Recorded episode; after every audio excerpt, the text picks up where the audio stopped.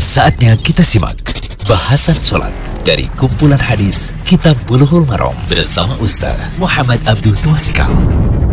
Alhamdulillah, wassalamu ala rasulillah wa ala alihi wa sahbihi wasallam Kali ini kita berada di audio pertama dari pembahasan Bulughul Maram Kitab Sholat Bahasan pertama kita masuk bab tentang waktu sholat Atau bab al-mawakid, waktu sholat Hadisnya di penomoran dari kitab Bulughul Maram Minha Al-Alam fi Syarh Bulughul Maram karya Abdul Al-Fauzan. Penomorannya dari hadis 151 sampai 153 An Abdullah bin Amr radhiyallahu anhuma anna Nabiy sallallahu alaihi wasallam qala waqtu dhuhri idza zalat syamsu wa kana dhilu rajuli katulihi ma lam yahdur al-asru. Waqtu al-asri ma lam tasfarra al-syamsu وقت صلاة المغرب ما لم يجب الشفق ووقت صلاة العشاء إلى نصف الليل الأوسط. وقت صلاة الصبح من طلوع الفجر ما لم تطلع الشمس. رواه مسلم. وله من حديث بريدة في العصر والشمس بيضاء نكية.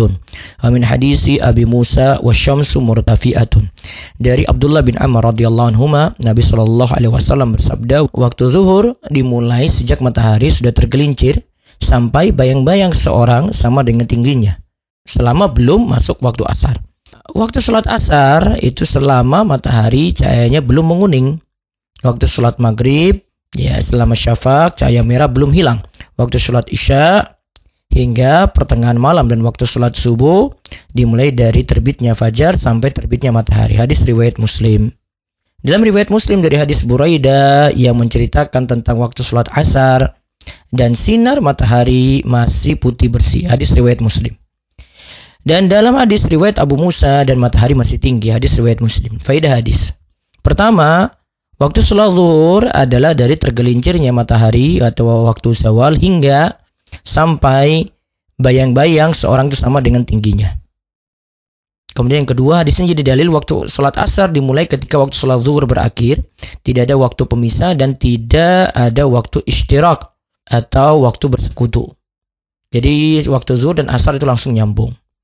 Yang ketiga, waktu sholat asar yang ikhtiari atau pilihan itu masih berlaku selama matahari masih putih cerah.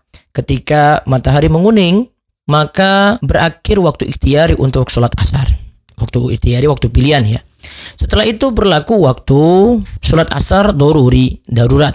Sampai tenggelam matahari sebagaimana hadis dari Abu Hurairah radhiyallahu anhu Rasulullah shallallahu alaihi wasallam bersabda siapa yang mendapat di satu rakaat dari sholat asar sebelum matahari tenggelam berarti ia telah mendapati waktu asar nah waktu darurat ini berlaku bagi mereka yang memiliki uzur seperti bagi wanita haid yang baru suci. Ya orang kafir yang baru masuk Islam. Dia misalnya dapati waktu darurat tadi ya. Dari matahari menguning sampai tenggelam matahari ya setelah itu berlaku waktu sholat asar yang tadi waktu matahari menguning sampai waktu doruri. Nah, waktu doruri ini berlaku bagi wanita haid yang baru suci, maka dia tetap nanti sholat asar. Orang kafir yang baru masuk Islam, dia tetap sholat asar. Orang yang tidur dan baru terbangun, dia juga tetap sholat asar. Orang yang pingsan baru sadar, dia juga tetap sholat asar di waktu tersebut. Serta orang yang terluka parah dan sibuk mengurus lukanya. Ah, mereka-mereka ini boleh sholat asar meskipun matahari sudah menguning dan dianggap sholatnya dikerjakan adaan pada waktunya walaupun itu waktu lururi atau waktu darurat. Kemudian yang keempat, waktu sholat maghrib dimulai sejak matahari tenggelam sampai cahaya merah di ufuk belum hilang. Waktu maghrib ini berlaku 75 sampai 90 menit kata para ulama. Terus yang kelima, waktu sholat isya dimulai dari cahaya merah di ufuk itu menghilang hingga pertengahan malam. Nah, ini yang pendapat yang paling kuat waktu sholat isya sampai pertengahan malam bukan sampai subuh. Waktu pertengahan malam itu dihitung dari waktu maghrib hingga waktu subuh.